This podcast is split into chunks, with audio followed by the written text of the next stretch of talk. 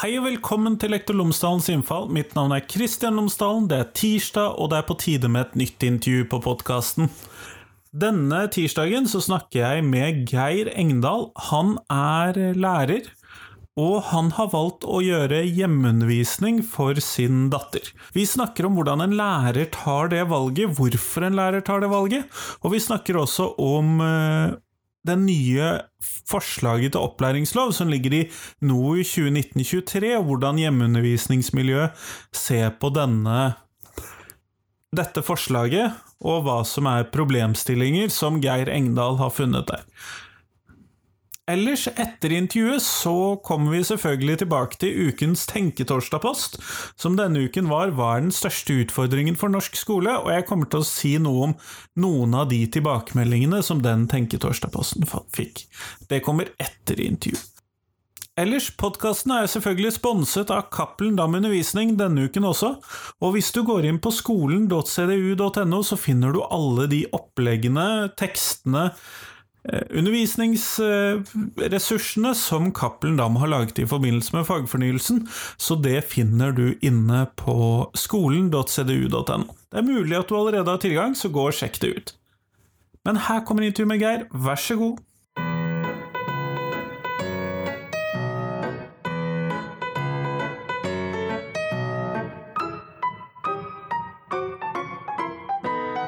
Geir Engdahl, tusen takk for at du har tatt deg tid til meg i dag.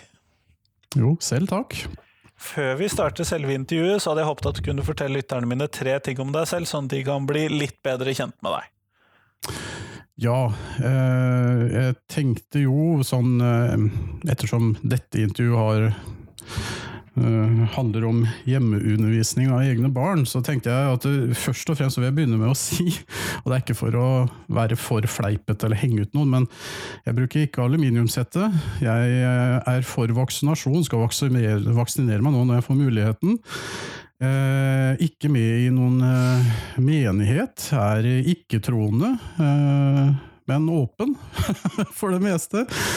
Uh, rett og slett veldig kjedelig og gjennomsnittlig, bortsett fra at vi driver hjemmeundervisning. Men jeg er uh, 49 uh, år straks. Har eh, utdanning fra lærerhøgskolen i Halden, hvor jeg ble adjunkt i sin tid. Jobba som lærer i grunnskolen i fem år før jeg fant ut at det var ikke greia, så jeg hoppa av og begynte på femårig mastergradsstudium på Ås. Den gang het det Norges landbrukshøgskole, nå er det vel NMBU. Der ble jeg master i naturforvaltning.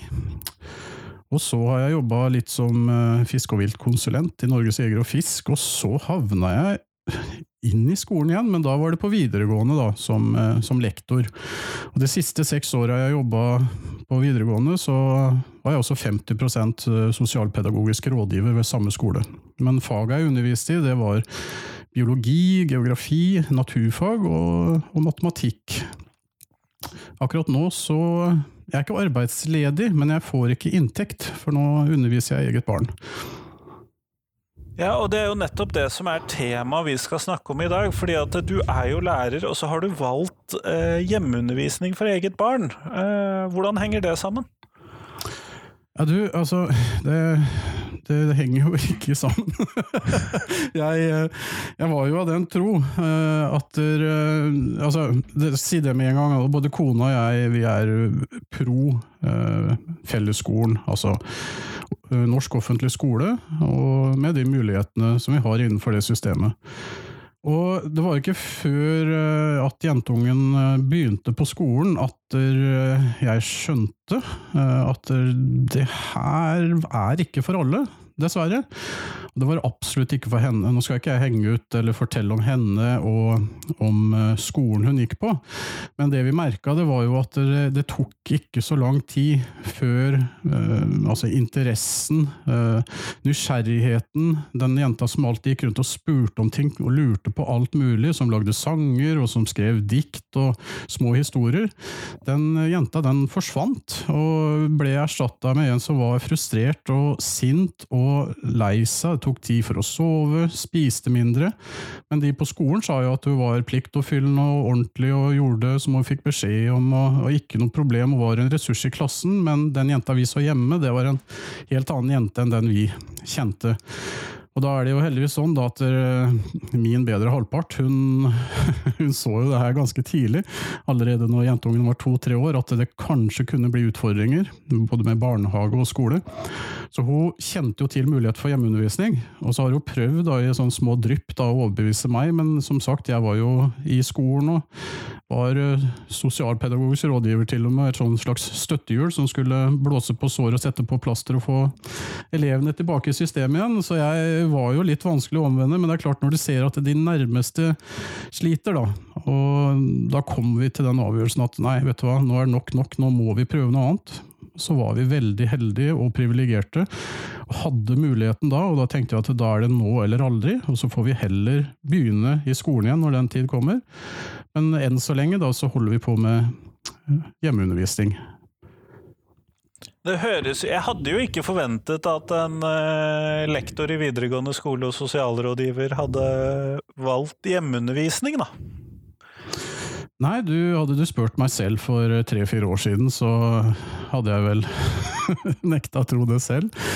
Men jeg Altså Det er kanskje litt lettvint å si at det er kun min eh, Altså, jentungen som er årsaken. For jeg så jo et og annet òg som rådgiver i, i, skolen, og det er jo nok av de historiene, dessverre, med, med barn og unge som har mistrives i alle år, både i grunnskolen.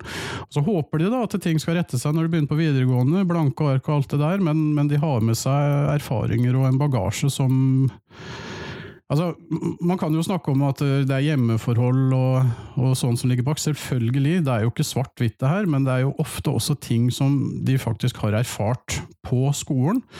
Uh, som er årsaken til at de, de, sliter. Og da når du står der da med en seksåring som uh, hadde si, stjerner i øynene når hun begynte på skolen, og hadde lyst til det her og ville lære, og du så hvor fort det snudde, så blir man jo litt skremt, da. Så eh, heldigvis er det vel kanskje sånn 60-70-80 av eh, elevene i norsk eh, offentlig skole som klarer seg helt fint og synes det er helt greit og kommer igjennom på et eller annet vis. Men det er klart, altså når det er 10-20% som sier at de mistrives og sliter av forskjellige årsaker, så det er jo altfor høyt altfor høyt tall. Og selv om jeg er pro skole, så er jeg jo ikke ivrer jo ikke etter å uh, ofre min egen datter på det forsøket her. Da prøver vi heller hjemmeundervisning nå, og så får vi se om ting faller på plass, så kan hun eventuelt begynne på skolen igjen. Og Det er vi helt åpne om også. Vi sier til henne ukentlig, og nå er hun lei at vi spør, men vi spør liksom har du lyst til å begynne i skolen, synes du hjemmeundervisning er ålreit? Er det liksom greit å henge med mamma og pappa sånn på dagtid? og sånn? Hvis du sier at det er ok, så fortsetter vi, vi har mulighet, men den dagen du føler at det her ikke gir deg nok, og du har lyst til å gjøre noe annet, så kan vi gjøre det, og da kan du starte på skole i morgen hvis du vil. Men da får vi litt kjeft da, for at hun har det bra hjemme. Så vi var jo litt heldige òg, får en jo si. Da. Vi starta jo opp eh, høsten 2019. Og så skjedde jo det som skjedde i, i, mars 2020. Så vi har jo ikke vært berørt av det her i hele tatt. Vi uh, har jo fortsatt undervisning som før, og det er ingen huller i undervisningen hennes.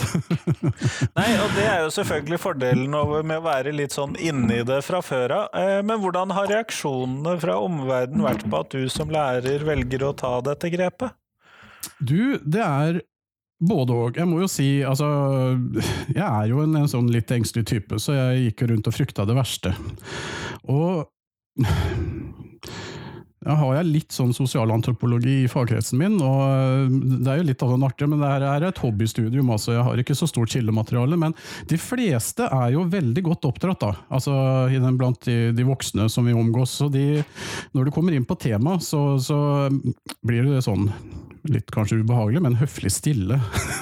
det er ikke så mange som spør lenger hvilken klasse går du i og gleder deg å begynne på skolen etter sommerferien. Sånn. Så, men, men, men, det som overraska meg, det er jo hvor mange som faktisk altså, uoppfordra begynner da å fortelle om egne erfaringer med skole, eller at de, hvis de hadde hatt mulighet, da, rent økonomisk og tidsmessig og alt mulig, kunne tenke seg å prøve noe lignende.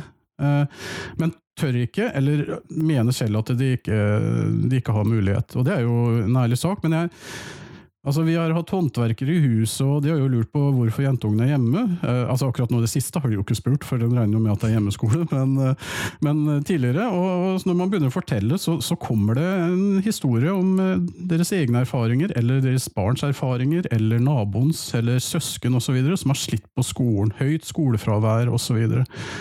Men eh, de aller fleste de har jo bitt seg fast og står i det. Og all ære, det er fint det, men eh, hvis du har mulighet til å kanskje prøve noe annet en liten stund, så hvorfor ikke? Så det er, det er bare Stort sett så er det positive tilbakemeldinger vi får, men man merker jo også de som liksom bare unngår å snakke om det.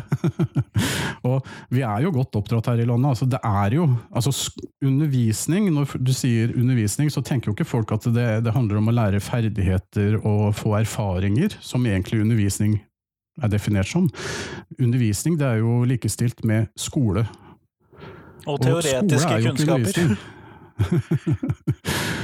Så eh, nei, jeg eh, Stort sett positive erfaringer. Eh, men det har vært lettere å være hjemmeundervisende pappa nå. For at der, å, å, gå i butikken nå klokka 11 på formiddagen og ha med seg barn og Det er ingen som spør, for de lurer jo ikke på hvorfor jeg ikke er på jobb. For alle regner med at jeg har hjemmekontor, og hun er jo ikke på skolen pga. at det antageligvis er noe karantene eller et eller annet. Så det er jo takknemlig nå, men men uh, ja, det, det, har vært både og, men mest positivt, vil jeg si. Nettopp, nettopp. Men hva tenker du er de største utfordringene for norsk skole? Fordi at du må jo se norsk skole fra en litt annen side enn de fleste av oss, i hvert fall. Ja, du har jo forespeila meg det spørsmålet, det må jeg si. Og jeg har jo sittet og tenkt og vridd og, og tilbake til Altså, igjen, dette blir jo subjektivt. Men man har jo funnet mye altså Leter man, så finner man jo. Det er jo som når djevelen leser Bibelen. altså Du får jo alltid å stemme. Eh, det, det er jeg fullstendig klar over. Men, men jeg eh, Det som skremmer meg mest, eh, det er den Altså at læring kun skjer på skolen. Og det virker også nå, nå, skriver jeg, eller snakker jeg med store bokstaver her. Du får også inntrykk av at den læringa skjer kun mellom halv ni og to.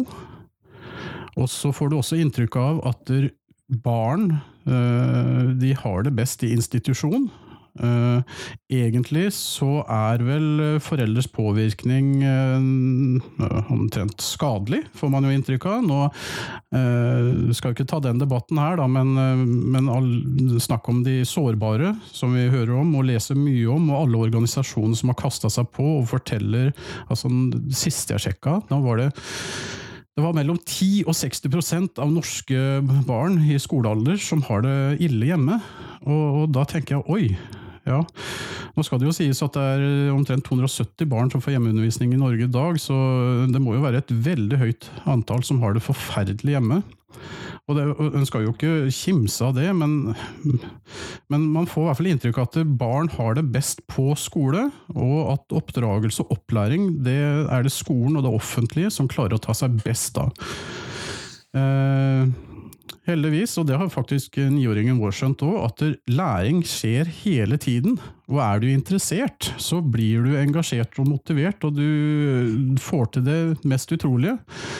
Og, eh, men som sagt, den der tanken om eh, institusjonen, den, den, den, skremmer meg veldig. Og jeg har vært en del av det, eh, føler jeg. Altså, ikke med viten og vilje, det alt gjøres jo med, selvfølgelig med god, i god mening, og man prøver å gjøre det beste, men jeg tror jo også de aller fleste lærerne i Norge da heller ikke ser noen andre muligheter. Altså Alt må foregå i skolen, og, og skolen får jo høre det også. Når det er et uh, problem, uh, samfunnsproblem, så er det jo skolen som må ta seg av det.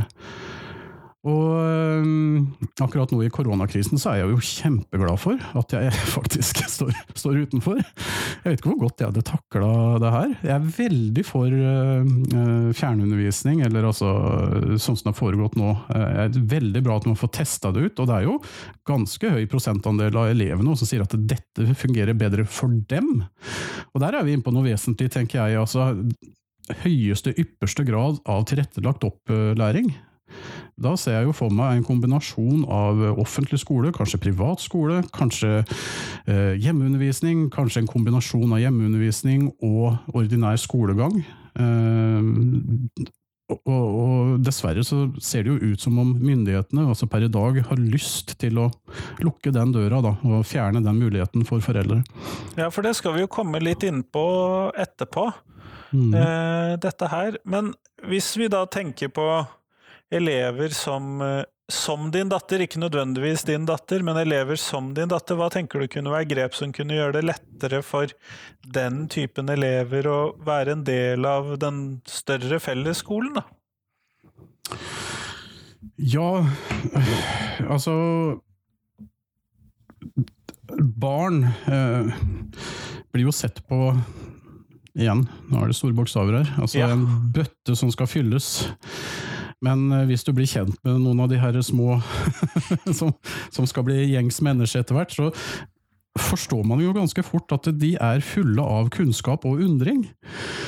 Og i, ja, Jeg skulle ikke trekke henne frem spesielt, men, men, jeg kan jo si det sånn. altså eh, Barn som er i en viss alder, som hele tiden spør, stiller spørsmål og undrer. Jeg har jo skjønt det nå eh, i løpet av det halvannet året jeg drev med hjemmeundervisning. altså Hvis ikke de får et svar, eller man forsøker å finne dette svaret sammen relativt umiddelbart etter at det spørsmålet er stilt, så er muligheten og interessen borte. Da er det plutselig et helt annet sted. Så læringsøyeblikket forsvinner?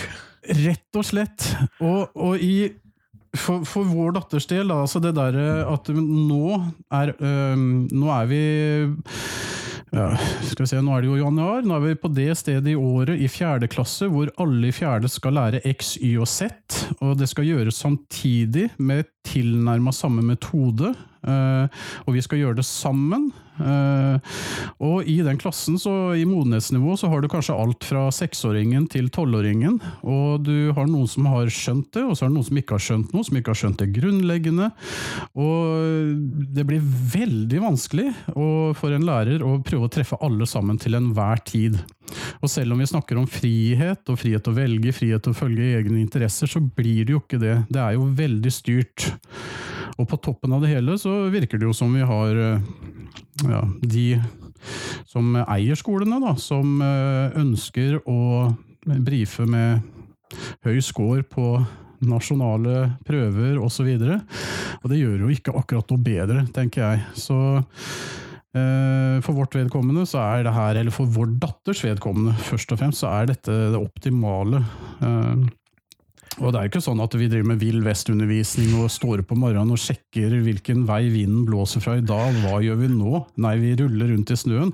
Det, vi er ikke der. Altså, vi, jeg, loven sier jo at vi må forholde oss til læreplanen. Men når du driver hjemmeundervisning, så du, uh, står du jo fritt til å velge metode. Og det jeg har blitt flinkere til nå, for jeg har vært veldig glad i skjemaer og årsplaner og ukesplaner og det har jo Som de fleste alt, lærere? Eh, så det, det, har jo vært en avvenning for meg. Men ja, vi har jo den ytre ramma som er eh, kompetansemåla i læreplanen. Og den forholder vi oss til. Og, men Altså Hvis hun kommer eh, sånn som i dag, da, så hun er veldig opptatt av programmering for øyeblikket. Kjempeopptatt. Og å få tid og anledning å kunne følge den interessen og gå i dybden Altså, hun Jeg presenterte henne for programmering i Scratch, som er veldig basic, men hun har jo parkert meg og kona for lenge siden og er på et helt annet nivå. Og det der engasjementet og selvdriften, altså hun kan sitte og gå virkelig inn i det, og det er sånn at du må be henne om å ta pauser, og når du tar pauser, så lurer du på om hun kan få lov til å programmere litt i pausen. Altså, det hadde du jo ikke fått mulighet i skolen. Selv om vi skal jobbe tverrfaglig og gå i dybden og ha prosjekter, så er du styrt av klokka. Altså. Og den klokka den var veldig stressende for henne. Både når det gjaldt læringa og når det gjaldt spising og osv. Så, videre. så det sier du nå. Nå har jeg roa til å gå ordentlig inn i ting. Og jeg får muligheten til å jobbe til jeg er ferdig, og det er hun glad for. Sier du nå. Så får vi se om et års tid, hva hun sier. det får vi finne ut av etter hvert. Men en av Ja. grunnene til at eh, du og jeg begynte å snakke sammen og avtalte dette intervjuet, er jo fordi at det er kommet et eh, forslag til en ny opplæringslov som eh, har hatt sine episoder på denne podkasten. Eh, og hva er det du har reagert på i det forslaget til den nye opplæringsloven? Nei, altså så det store hele, det er jo mye bra som står i det nye forslaget. Eh, og så er det veldig mye som jeg og andre lurer på. Altså ikke bare når det gjelder hjemmeundervisning, men, men eh, det er jo klart det jeg eh, har hatt hovedfokus på, det er jo eh, hjemmeundervisninga. De det var jo en, eh, en utredning på godt og vel 800 sider. Ja, det er Eh, mye, mye, mye å ta tak i. Det var Heldigvis så handla ikke Det var ikke 800 sider om hjemmeundervisning, for det spørs om jeg hadde orka, men, men de hadde via ganske mye plass til hjemmeundervisning. Og, og, og da ble jeg litt bekymra, eh, fordi at da kan det virke som om eh, hjemmeundervisning er en trussel. Eh, og nå har det jo vært sånn her i landet, da, av, av forskjellige årsaker, men siden den første opplæringsloven kom, i 1739 var det vel, så har det vært eh, mulighet til å undervise egne barn. Det har vært sidestilt med å sende barn til skole. Nå var det vel ikke så veldig mange offentlige skoler den gangen, så det var jo nødvendig. Og det de skulle lære den gangen, det var jo å lese og skrive og regne, og så, man kunne lese sin egen bibel og bli konfirmert. Men skolen har jo hele tiden vært der eh, for å støtte foreldrene i opplæringen innenfor lese, skrive og regne. Og det er jo kjempebra. Og det er jo et samarbeid jeg håper absolutt skal fortsette. Og den opplæringsplanen som gjelder eller loven som gjelder per i dag, den sidestiller hjemmeundervisning, altså at barn blir undervist hjemme av sine egne foreldre, den er sidestilt med opplæring i offentlig eller privat skole. Og den nye loven har på Jeg vet ikke, jeg skal jo ikke spekulere for mye, og jeg er ikke konspiratorisk, men, men jeg tror nok de håpa at dette skulle gå litt under radaren, for det sto veldig sånn forsiktig at det, var fortsatt mulighet for hjemmeundervisning. Men det var først etter at foreldrene har søkt kommunen om tillatelse. Per i dag så må du ikke søke, det er ikke søknadsplikt. Man må bare vel, vel, melde ifra til eh, skolekontoret at nå tar vi barnet ut og vi skal drive med hjemmeundervisning. Du bør ikke komme med begrunnelse, du bør heller ikke skrive hvor lenge du skal holde på, og det er ikke noe krav til eh, utdanning, altså hos foreldre, eller hvilke pensum osv. Du skal forholde deg til norsk lov, og du skal følge læreplanmåla. Og så er det kommunen som da er pliktig til å følge opp og føre tilsyn. Og nå, da, når de sier at dette har du fortsatt mulighet til, men du må søke først, så begynner det å bli veldig uryddig, syns jeg. Fordi de, altså, vi henger ikke med veldig masse folk som driver med hjemmeundervisning. Det er, så, det er så få av, av, oss som driver med dette. Men de det er mindre enn ett barn per kommune, kontakt så vidt jeg har skjønt. Hæ? Unnskyld? Det er mindre enn ett barn per kommune. Ja, det er sånn jeg regna på det. Det er ca. 0,35 promille av eh, norske elever har hjemmeundervisning. Så, men, men, eh, men da de, de som kontakter eh, oss, da, som snakker om det her, de, det er dessverre ikke sånn for å fortelle om solskinnshistorier i eh, hjemmeundervisningen. Det er ofte foreldre, sånn som oss, som eh, er helt for skole. Normale, relativt oppegående folk, vil jeg si. Altså, da har jeg tratt med meg selv når det gjelder relativt oppegående. Men som ønsker å gjøre det her. Og det er jo et stort skritt, hallo, å plutselig ta på seg ansvaret for all opplæring av eget barn. Og det handler jo om barnet først og fremst. Det er jo barnets framtid og opplæring, utdanning vi snakker om. Og det er ikke noe du liksom Det er ikke noe du bare gjør øh, og helt uten bekymringer. Og når du da tar det skrittet, og du ser deg nødt til å gjøre det, så blir du møtt av en kommune som øh, ikke deler ditt syn på hjemmeundervisning. Dessverre så er det sånn at det er veldig mange, øh, nesten regelen, øh, er at man blir meldt til barnevernet. De sakene blir henlagt, heldigvis. Eh, jeg snakket med en mor for eh, en stund tilbake, og der hadde rektor på skolen eh, utnevnt seg selv til tilsynslærer. og Det første rektor gjorde før rektor snakket med barnet og ble kjent med barnet, det var å melde familien til barnevernet. Og det er klart, når du skal legge til rette for undervisning hjemme, og barnet endelig kan få lov til å senke skuldrene og kanskje begynne å lære noe, så blir mor og far kjempestressa for, for øvrigheten da, som skal banke på. Og du, vi var i den situasjonen sjøl, ikke med barnevern, heldigvis. Eh, men det løste seg for oss. Eh, så vi har et veldig godt samarbeid med vår kommune nå, og har en tilsynslærer som er helt fantastisk. Som jentungen gleder seg til skal komme på besøk. Bare det blir gult nivå. men, ja, noen eh, utfordringer det er, det jo for dere òg. Det at de har innført søknadsplikt, det er litt skremmende. Og det er ikke bare at de ønsker å innføre søknadsplikt, de krever at mor og far legger fram en årsplan. Uh, greit nok. De skal også legge fram uh, arbeidsmetoder. De skal legge fram pensumbøker, hva de har tenkt å bruke. Hvem av foreldrene som skal undervise, og hvilken formell og uformell utdannelse foreldrene har. Hvor lenge undervisningen skal foregå, og den skal foregå på folkeregistrert adresse eller i nærmeste nærmiljø, står det. Uh, og da tenker jeg oi, da lurer jeg jo på om jeg får lov til å gå på biblioteket, for det er 2,2 km fra huset vårt. Uh, er det nærmeste nærmiljø, eller må jeg spørre kommunen om lov før vi gjør det? Jeg vet ikke. Eller hytta. Uh, men, men, da får man jo inntrykk av at det har vært veldig problematisk med hjemmeundervisning i Norge. Men utvalgsleder han blir jo spurt av Dagsavisen her i våres eh, om det er sånn at det er store utfordringer med hjemmeunderviste barn. Noe han eh, sa at nei, det er det ikke, og da lurte jo journalisten på hvorfor det var da nødvendig å innføre søknadsplikt. For jeg tror jo ikke at eh, foreldre kommer til å stå i kø nå for å ta ut barna av skolen. For er, du skal ikke kimse av det, som jeg sa. Og det, det handler først og fremst om barnet, og, og det skal man ikke ta lett på. Men, men, det er det her med søknadsplikt som jeg stusser på. Og, og dessuten så har de en litt firkanta oppfatning av hvordan tilsyn skal foregå. Eh, jeg har forstått, det sånn Christian, at du underviser i en del eh, muntlige fag. Ja. Det er ja. nesten bare. ikke sant, og det gjorde jo jeg også. Det var jo stort sett muntlige eksamener vi jobba med på, på, på, våren. Og eh, hvis eh, lovgivende statsmakt hadde skjønt hvordan lærere jobber, altså vet de det at en god lærer, en god pedagog, kan etter en samtale finne ut ganske kjapt hvor en elev står. Men eh, tilsynet, sånn som eh, det står i det nye lovforslaget, de er jo veldig for at det skal kjøres prøver, tester.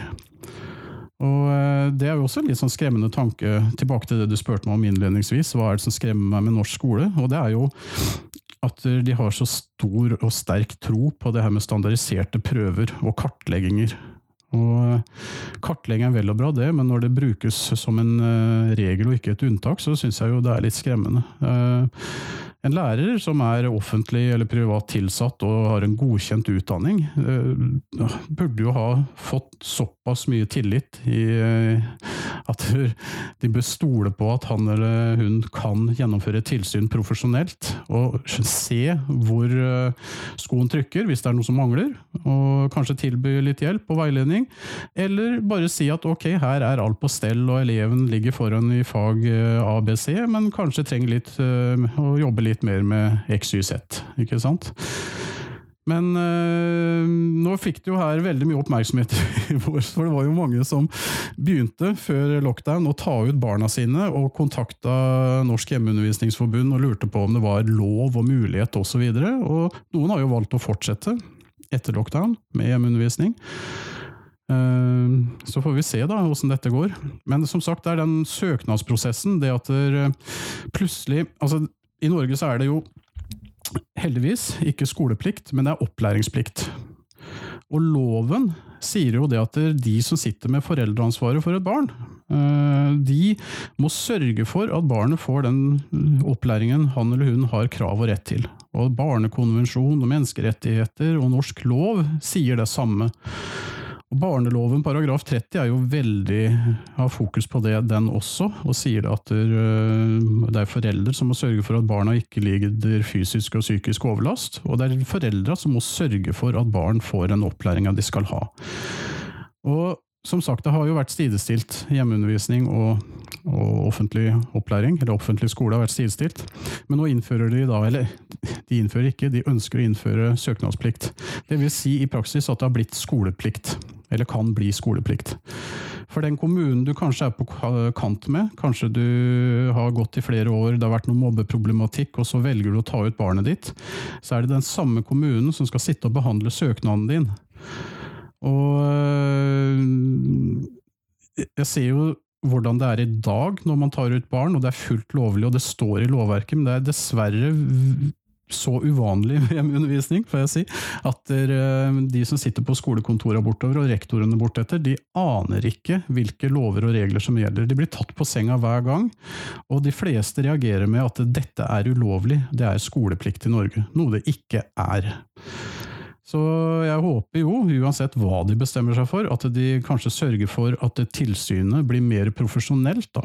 At kommunene blir kjent med hva som gjelder, og hvordan et tilsyn kan foregå. Og at det handler om et samarbeid. Og for at et barn skal bli den beste utgaven av seg selv, så kanskje en kombinasjon av offentlig skole, hjemmeundervisning, eller bare hjemmeundervisning, eller bare offentlig skole er det beste, men det forutsetter jo et godt samarbeid da, med foreldrene. Og hvis du da møter foreldrene med mistro, og da i det verste fall da, melder til barnevernet, så er det jo ikke akkurat grunnlag for et godt samarbeid. Men sånn som jeg oppfatter deg, så oppfatter du dette forslaget som en ganske klar innstramming, da? Ja. Ja, det er ikke tvil. Selv om utvalgsleder mener noe annet, så er det jo helt tydelig når de innfører da søknadsplikt. Og som sagt da, og Dette står jo veldig tidlig i loven, og har jeg sittet og lest meg opp, jeg mener det var paragraf to eller tre, nå kan jeg blande med dagens lov, men når det så tidlig i loven står at det skal være søknadsplikt hvis mor og far ønsker å undervise eget barn, da har de brukt tid på det og ser på det som en trussel. Det er i hvert fall sånn jeg, sånn jeg, oppfatter det. Jeg kan avsløre at det er paragraf 3-2. Takk skal du ha. Ja, Da var det nesten, da. 2-3, 3-2, ja. ja. Nei da. Eh, så det er der det ligger i lovforslaget. Mm. Men eh, politikerne skal jo For dette er jo et forslag som kommer fra et utvalg, og så skal jo dette mates gjennom høringen, som har skjedd, som mm. du har vært en del av. Og så skal det mates gjennom departementet, og så skal det til ny høring og til politisk behandling. Mm. Eh, så det er jo en ganske langtrukken prosess. Men hvilke råd har du til eh, høringsinstansene og til de politiske instansene, og for så vidt til departementet, om hva de skal gjøre her? Du, jeg syns egentlig det er veldig enkelt. Uh, og, og, når folk spør meg om hjemmeundervisning og hva de skal gjøre, og hvordan skal jeg få en rektor eller en skolesjef til å liksom skjønne så, så kontakt de kommunene hvor hjemmeundervisning og tilsyn og samarbeid med hjemmet fungerer. Eh, det er veldig mange gode eksempler der ute. Eh, ikke så mange som de dårlige, dessverre. Men eh, heldigvis, når det skjærer seg, så hender det jo ofte at det retter seg. Da. Men det er en forferdelig situasjon å være i. Men det er veldig mye bra praksis ute. Og hør med dem, for når du leser, hvis du setter deg inn i den høringsuttalelsen, det de skriver om hjemmeundervisning, så virker det jo ikke som de har snakka med tilsynslærer engang. Eh, liksom tilbake til det det sto at eh, undervisning skal foregå på folkeregistrert adresse. for, det da, for det vil være så vanskelig å gjennomføre tilsyn hvis ikke eh, familien er hjemme når tilsynet kommer. det høres ut som tilsynet ligger på lur i busken og kommer plutselig. Det er Spanish, Spanish Inquisition. Men det er jo ikke sånn tilsyn foregår. Man avtaler jo å treffe, så man kan treffes på nøytral grunn. Det kan jo være på en skole, bibliotek, på en kafé. Eller du kan bli invitert hjem til mamma eller pappa. Eh, og, og, og hjemme, vi inviterer hjem, og det er veldig hyggelig. Det er jo ikke sånn at tilsynet plutselig skal komme og gjennomføre en kartleggingsprøve. Men når du leser hvordan de har begrunna dette i, eh, i den NOU-en, så, så, får du jo inntrykk av at du, du, må være i nærheten av hjemmet, for det tilsynet Det er problemer med å finne familien når tilsynet skal gjennomføres. og Det, det er jo bare, bare sprøyt. Unnskyld. Det var kraftig, et kraftig uttrykk. Men, eh, men, eh, som sagt, kjenner de til hvordan eh, tilsyn foregår, så de, burde de vite at det er et samarbeid. Og det er ikke problem å finne oss, for vi avtaler det. Og hvis du ikke er hjemme når tilsynet kommer, så regner jeg, da står det jo klart i loven da. altså da Grunnlaget for å få lov til å drive med hjemmeundervisning er da borte, for at det blir vanskelig for kommunen å kjøre eh, tilsyn. Og det er det jo ingen eh, foreldre som driver med hjemmeundervisning. Eh, det er ingen som vil komme i den situasjonen. Men det er klart, velger foreldrene å fjerne barnet og stikke av, holdt jeg på å si, og gjemme seg når tilsynet kommer, så kan kommunen med rette si at nei, det her er ikke til beste for barnet, og vi må få barnet tilbake i offentlig eller privat skole. Det som jeg syns er interessant, for det har ikke jeg tenkt på før, før du begynte å snakke om dette med geografisk eh, begrensning nå. Mm. Men en del av de historiene som man kanskje i mer sånn populærkultur og sånn har hørt om eh, før, er jo disse som tar barna ut for å gi hjemmeundervisning mens de drar på jordomseiling. Ja, men du, det var det som Jeg har jo tenkt på det. og, og og all ære og, og, fint, det. Eh, jeg er ikke noe imot det, men Men jeg ser jo at det blir forbudt her, da. Stusset, ja, jeg stussa litt på hvordan mediene fremstiller det. For at der, altså, som jeg Kjedelig nordmann som driver med hjemmeundervisning. Vi, vi beveger oss Vi er stort sett i Fredrikstad og omegn. Men, men, hvis du velger å ta ut barnet før du skal dra på jordomseiling, så får jo det ofte mediedekning. Eh, det blir skrevet om det i lokalavisa, kanskje NRK lokalt kommer og gjør en sak på det, og kanskje Både det er en blogg, og, etter at du har dratt! Får masse oppmerksomhet, og det blir sett på som positivt og spennende og bra. Eh, mens det vi holder på med, det blir jo nesten sett på som landsforræderi. Ja, men Det som er interessant her, er jo det at det, selv om du da får ja på søknaden din til kommunen, mm. så har du jo ikke lov til å gjennomføre da den hjemmeundervisningen langt unna. Ja, men Det kan jo hende at du har den båten i opplag da, på, på gårdsplassen. så kan du jo med god fantasi da innbille at du seiler av gårde til Karibien. Nei, nei det, er, det, er, mye som uh, blir problematisk her. Um, Akkurat den hadde jeg ikke tenkt på før du begynte å snakke om denne geografiske begrensningen. Nå. Nei, nei, så er det en annen ting også, sånn som jeg tenker på Nå skal jeg ikke skryte av egne opplegg, og sånn, for de blir ofte til mens vi går. Da, for det er jo en prosess, det her. Eh, det å slippe opp litt og miste litt kontrollen, og la jentungen få lov til å styre litt. Altså det, det, er utrolig hvor det tar deg, men sånn som i høst Vi, vi er jo heldige. Altså jeg, vi bor i Fredrikstad, jeg er jo opprinnelig fra Halden. og Der skjer det jo noe veldig spennende, for de graver jo fram et vikingskip. Og det er klart, Vi hadde jo ikke tenkt så mye på det, men plutselig så tar jo uten opplæringa en helt annen vending. Plutselig blir det interessant å lese om vikingkonger og alle de mye spennende og vill historie der. Og om uh, utgravingene i, uh, på Vestfoldsiden i sin tid. Og vi dro uh, og fikk omvisning på utgravinga i, i Halden. Det var jo oss, og så var det jo ti andre pensjonister som var der på dagtid og fikk omvisning av arkeologen og fikk se det her hands on.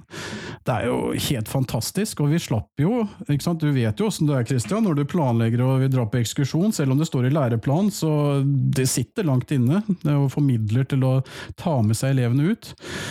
Men vi kunne da sette oss i bilen og dra av gårde og treffe arkeologen og få omvisning og titte litt på hva de hadde funnet. Og det er jo kjempemessig hun er også kjempeinteressert i uh, geologi og naturhistorie. Og nå er det jo litt verre kanskje å dra inn til Oslo på museet der, men Naturhistorisk museum i Oslo, det, der har jo vært masse.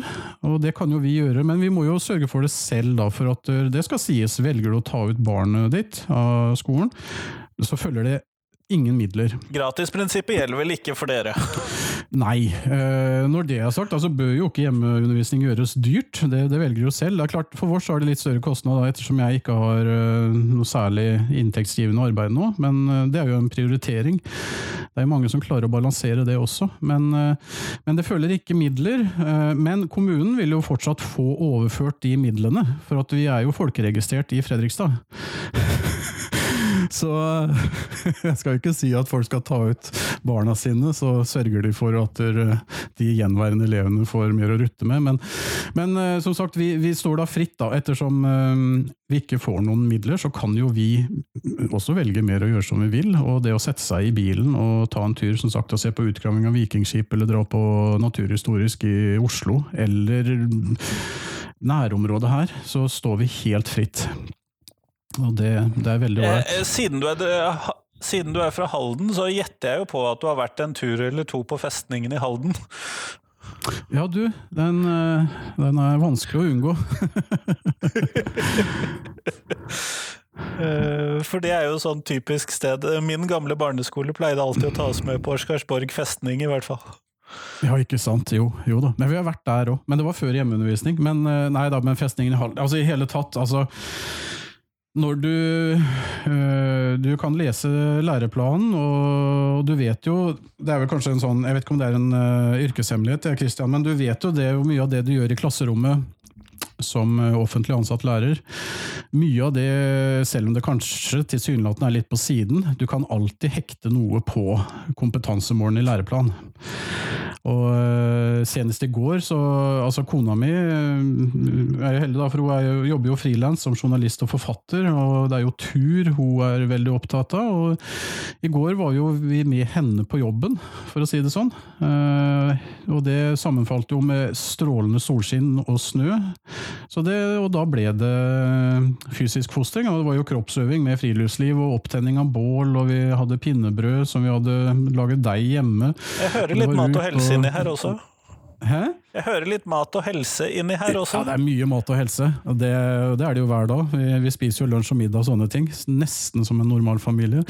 Og da, du får jo dekka inn mye der også. Og ha hyggelig, en hyggelig stund med familien ved, ved matbordet. Det er veldig ålreit. Ja, du, nå, nå, blir det her kanskje litt sånn uh, på siden igjen, men nå kommer jeg på en annen ting som vi har merka. Og det var jo det, Jeg jobba jo i nabokommunen i Sarpsborg, på videregående der, og eh, brukte en halvtime til tre kvarter å komme på jobb. Og samme tid hjem igjen, hvis jeg var heldig og det ikke var rush.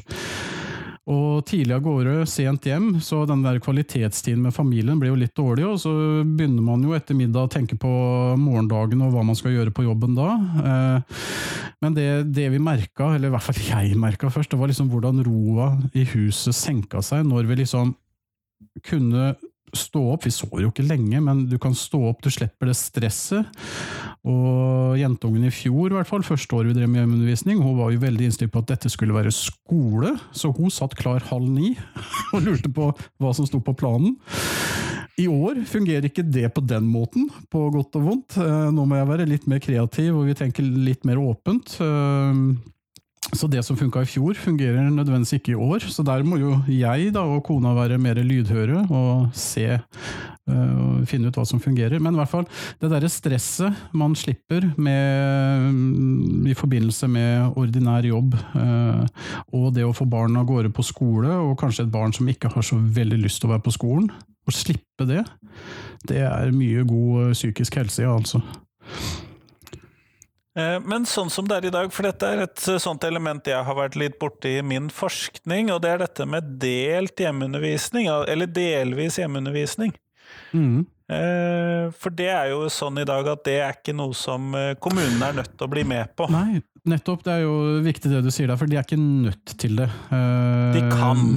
Nå har, nå har ikke jeg navn på noen steder hvor, hvor de får det til, men, men, det er jo sånn formulert i loven at kommunen kan åpne opp øh, for det, der det er mulighet. Spørsmålet blir jo da ofte hvem har ansvaret, hovedansvaret for opplæringa. For det er jo sånn, det er jo ikke noe delt her. Enten er det det offentlige og det kommunale, eller så er det mamma og pappa. Og det tenker du at det er greit at fortsetter? At det ikke at du, du, du, ønsker ikke noe sånn rett til delvis hjemmeundervisning? Ja, du, vet du hva. Jeg, i, igjen eh, altså, Når jeg sitter her og snakker om hjemmeundervisning, så det, det jo, men må jo være ærlig, det er jo ikke sånn at hjemmeundervisning er løsningen på alt. Altså, når vi tok dette valget, og hvis du ser for deg eh, to vektskåler, da, så er det jo sånn at det, det er fordeler og ulemper med alt, men i vårt tilfelle så veide hjemmeundervisning mest.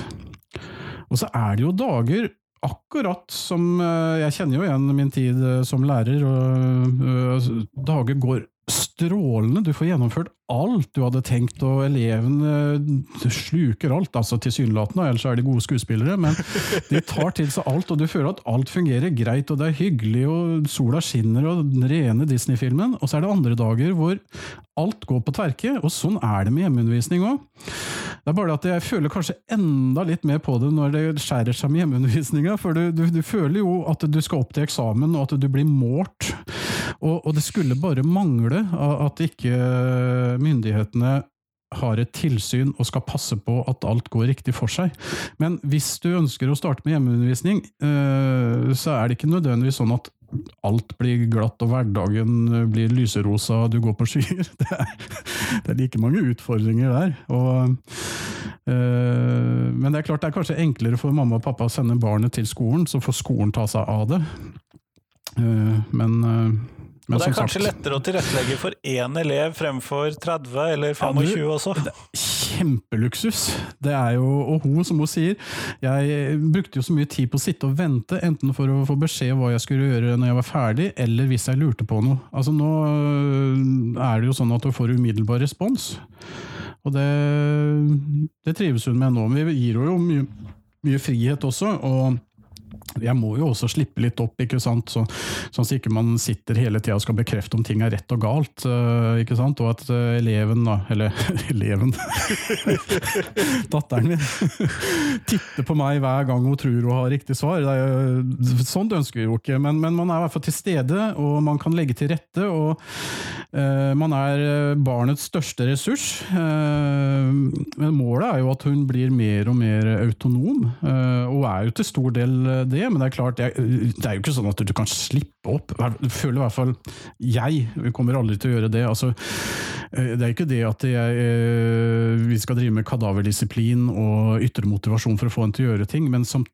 du, du det er jo en mellomting. Vi kan sette grensene. Vi vet jo hva som skal gjøres og når det bør gjøres, men hun står fritt da innenfor de grensene til å kanskje løse ting mer på sin måte. Så fungerer det veldig bra i noen fag, og så er det andre fag som vi blir kanskje litt mer sånn typisk skole, hvor pappa forteller, og så gjør vi som han har sagt, og så kan vi heller gjøre andre ting etterpå. For noen ting må man jo igjennom. Så. Ja, det er, alle, det er jo aldri noen som liker alle fagene. Nei, nei, nei. Ikke, ikke, jeg heller. Men tilbake til det du sa, det der med å kanskje om jeg er for å kjøre delt løsning. Jeg er egentlig for uh, å kombinere alt. Ja. Jeg, jeg, hadde sånn troa nå etter lockdown at nå ser de muligheten, uh, med tanke på de med høyt ufrivillig skolefravær, at det går an å få til en, en balanse her.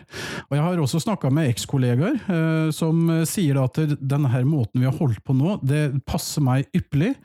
Det å ha en sånn kombinasjon av noe klasserom, noe fjernundervisning, hjemmebesøk der det er aktuelt. det er jo litt vanskelig nå da, under pandemien, men i hvert fall en kombinasjon. Og så har du andre da, lærere, og det er en ærlig sak, de syns ting fungerer best i klasserommet hands on. Og så er det jo noen fag, eller noen kanskje yrkesfag, hvor du må være mer hands on. Så det er ikke overalt det, det passer. Men vi har en ganske stor andel elever her i landet som sliter med å komme seg på skolen og gjennomføre grunnskolen og videregående opplæring. Og Hvorfor i alle dager skulle det ikke gå an å kombinere dette? For det handler jo om elevens eller barnets beste. Og det er jo barnets opplæring som står på spill.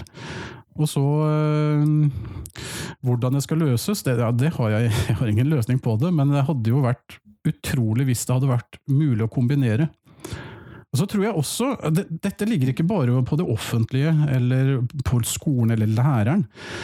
Eh, hvis man leser loven, så står det jo faktisk der at det er mor og far som har hovedansvaret. Men det tror jeg det er veldig fort gjort for gjennomsnittlig nordmann. Eh, det er veldig fort gjort å glemme det. Det, det tror ikke jeg føler på som eh, forelder. ja, ikke sant. Men jeg tenker jo sånn Går det an å tenke Det er kanskje provoserende for noen, men går det an å tenke på skolen ikke nødvendigvis som der du henter all din kunnskap, men at skolen er en av mange ressurser du kan bruke i din eh, opplæring eller utdanning. Altså At skolen blir sett på som et slags bibliotek. Der sitter det folk som kan fag veldig godt, og som kan tilrettelegge og hjelpe, hvis du ønsker det. Men eh, det er også andre arenaer man kan søke og finne og få opplæring. Eh, men at skolen eh, ikke eier alt, men at opplæring er noe du kan finne overalt, og som skjer til enhver tid gjennom hele livet ditt. Det hadde kanskje vært litt interessant. Geir, vi går mot slutten av dette intervjuet.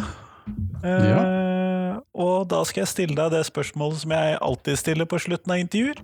Og det er hva er de tre viktigste tingene som skolen, eller da som elevene lærer, da? Ja. Eh, da du du må jo si da at eh, Det kan jeg jo si til lytterne dine, at Christian er veldig snill. Han sender, han sender noen føringer, så man kan forberede seg litt. Og, og jeg, jeg titta litt, eh, for du skrev til meg at der, de tre viktigste tingene skolen kan lære elevene. Og, og da tenkte jeg kanskje det er lov å tenke litt sånn ønskeskolen, liksom. Ja, og det er lov. Eh, jeg er, er lov. åpen for uh, omskrivninger og omtolkninger av mine spørsmål. ja, men så, så, er det det, da. vet du, å forholde seg til tre ting. da. Men ok, hvis jeg snakker fort, så kanskje det blir fem eller seks? Nei da. men nei, jeg, jeg, noterte meg noe her, og det er jo det som jeg nettopp sa, at det der med læring det er ikke noe som skolen har monopol på. Det skjer til enhver tid gjennom hele livet. Og at den fysiske skolen, altså det vi ser for oss, da, skolebygningen med lærere og elever i, det, det, er bare én av mange arenaer som det skjer læring på. Så det håper jeg at skolen kan lære elevene. At vet du hva, dette er bare én av mange måter du kan lære deg ting på. Og så er jeg litt sånn på det der eh, For sånn, sånn, som jeg Nå er jeg jo veldig kritisk til, eh, til eh, NOU-en og forslag til ny opplæringslov.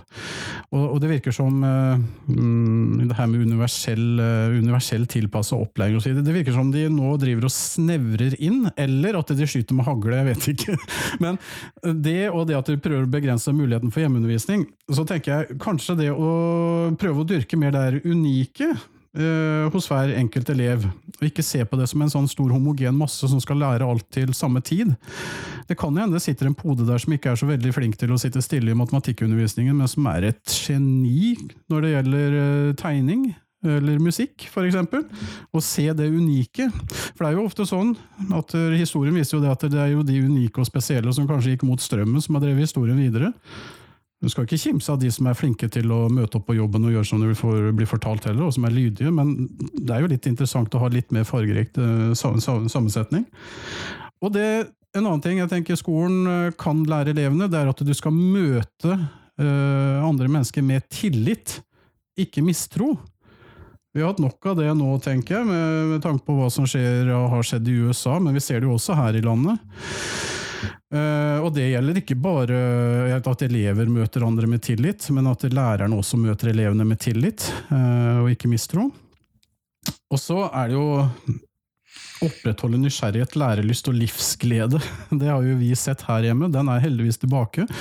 Uh, men jeg har fortsatt litt sånn Det gjør sånn vondt i magen. Jeg kjenner sånn sur noen ganger når jeg tenker på hva som hadde skjedd, kunne ha skjedd, vet jo ikke, hvis vi ikke hadde tatt ut jenta vår av skolen.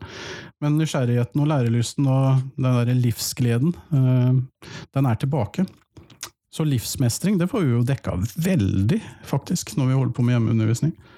Og så tenker jeg en siste ting, og det har vi ikke snakka om, Christian, og det gjelder kanskje mest grunnskolen, men det der med å ta det med ro, slapp av. Da jeg var liten pjokk og begynte på skolen i 1979 som sjuåring, en relativt moden sjuåring, for jeg er født tidlig på året, da var ikke min lærerinne, og jeg snakka med henne i ettertid, hun var ikke stressa med å få oss til å lære å lese til jul.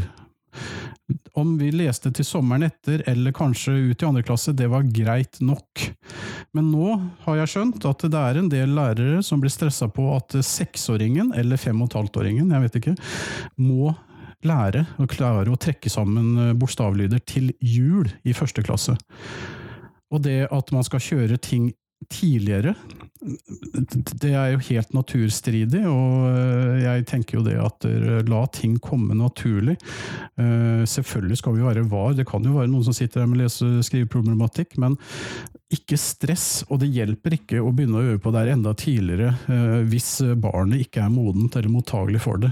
Men det skaper jo andre problemer, for plutselig så Vi så jo forskning har jo avdekka at 10-20% av norske elever trenger spesialpedagogiske tiltak. Og da kan du jo lure på jeg, jeg, jeg, tviler jo på at det er noe gærent med elevene. Jeg tror vel kanskje systemet burde retta fingeren mot seg selv, men det er jo mine tanker. Kjempeflott. Tusen takk for at du tok deg tid til meg i dag, Geir. Det var bare hyggelig. Nå ble det mye prat, men det hadde jo vært kjedelig med en podkast hvor det var helt stille. Det får bli en annen podkast enn min, tror jeg.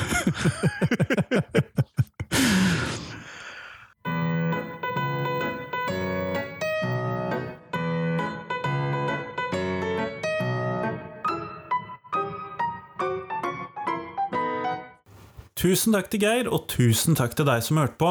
Nå er det fram til fredag. Da er det 12. mars igjen. Det er jo en dato som har satt sine spor. Og da kommer det en ny podkastepisode. Eventuelt podkastepisoder, om du vil. Ellers så lovte jeg å si noe om de tilbakemeldingene som jeg har fått inne på Tenketorsdag-posten denne uken.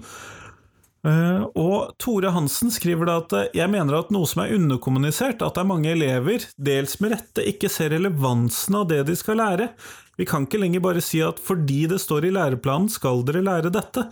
Dagens unge godtar ikke lenger dette svaret, alle kompetansemål burde hatt et underpunkt der det sto du har nytte av dette etter skole avsluttet skolegang fordi, og så begrunnelsen.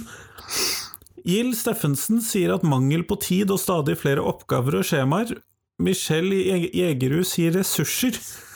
Liv Katrine Krogh sier stadig større behov for tilrettelegging og differensiering kombinert med stadig større klasser i videregående skole.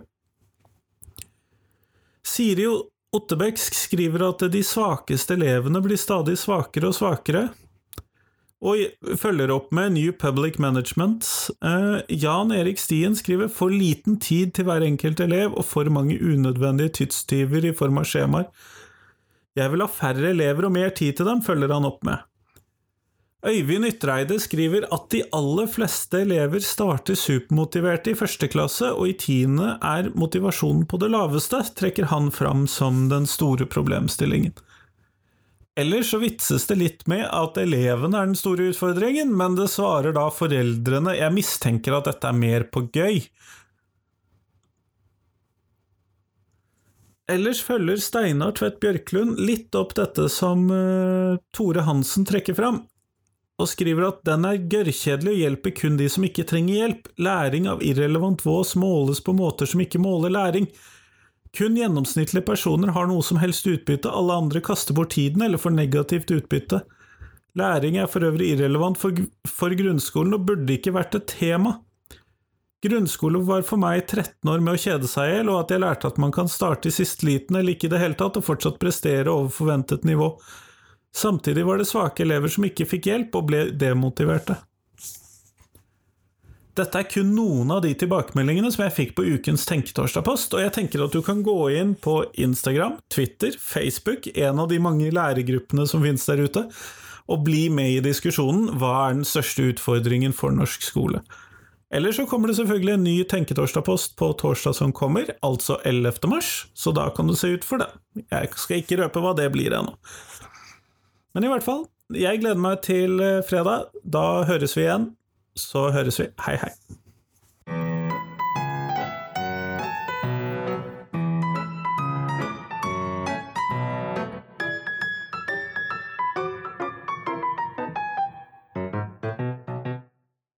Husk det at du kan gå inn på iTunes, podkaster andre steder, og så rate podkasten. Det blir jeg kjempeglad for. Gjerne full pott, selvfølgelig. Men vi høres!